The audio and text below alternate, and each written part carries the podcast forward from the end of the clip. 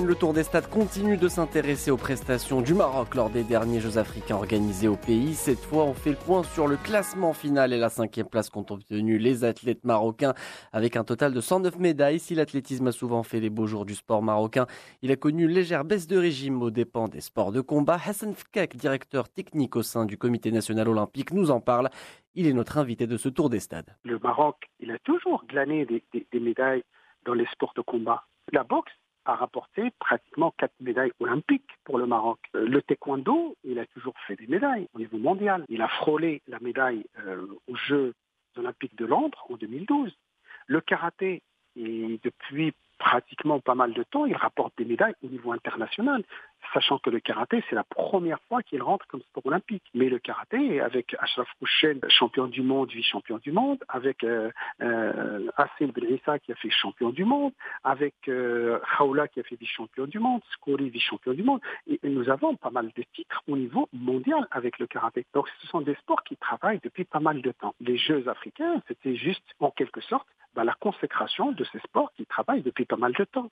C'est pas si vous voulez, une révélation. Et ils ont toujours été, si vous voulez, sur le, chemin de, la performance. Et l'athlétisme, et c'est vrai, c'est notre sport phare. Ben, j'espère et je souhaite qu'il le restera et qu'il le redevient. C'est pas qu'un sport monte et un autre sport euh, disparaît. Non, je veux que tous les sports montent. Je veux que le sport, l'athlétisme, qui était vraiment le lance de fer du sport marocain, va continuer à, nous rapporter des médailles, continuer à faire euh, rêver les Marocains, continuent à faire briller le sport national. Et je souhaite de tout mon cœur que ces sports aussi progressent et font des performances et rapportent des médailles pour le Maroc. La prochaine grande étape pour euh, le sport marocain, c'est bien sûr les Jeux Olympiques de Tokyo en 2020. C'est l'été prochain, c'est la dernière ligne droite, euh, on va dire.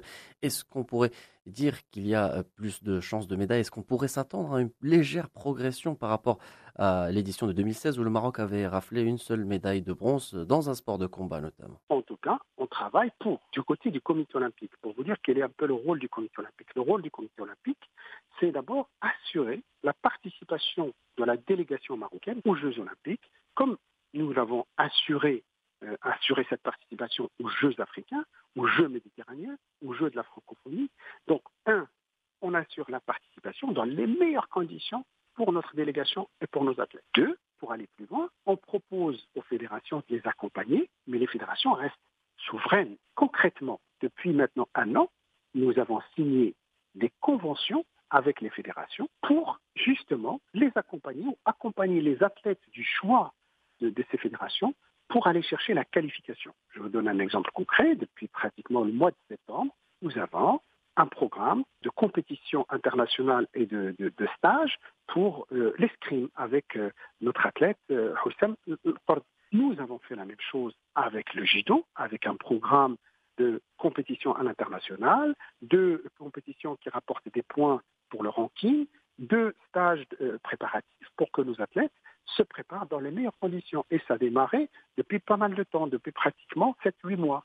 Et on va le poursuivre jusqu'à la qualification. Et on l'a fait avec le karaté, on l'a fait aussi avec le taekwondo, on l'a fait aussi avec le triathlon. On a fait un programme spécifique pour Badr Siwen et euh, Mehdi Depuis le mois de mars, se forme de programmes de compétition financés par le comité olympique pour qu'ils préparent et pour qu'ils aillent chercher leur qualification et leur ranking mondial. Donc tout ça, on le fait pour mieux préparer nos athlètes avec, on essaye dans la mesure du possible, mettre en place un suivi médical de nos athlètes pour qu'ils soient aussi dans la performance et dans je dirais dans l'accompagnement médical. Et avec une dizaine d'athlètes, nous avons demandé une bourse olympique. Nous avons dix athlètes dans dix sports différents, en judo, canoë-kayak, triathlon, taekwondo, dans dix disciplines différentes, nous avons euh, dix athlètes qui bénéficient d'une bourse olympique mensuelle qui leur permet justement de se préparer dans des conditions sereines. Donc, si on fait ce programme-là, c'est pour que nos athlètes,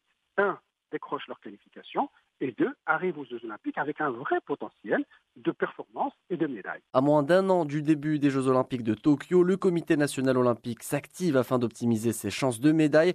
Les Jeux africains leur ont par ailleurs permis d'en savoir plus sur les principaux chantiers auxquels ils seront confrontés.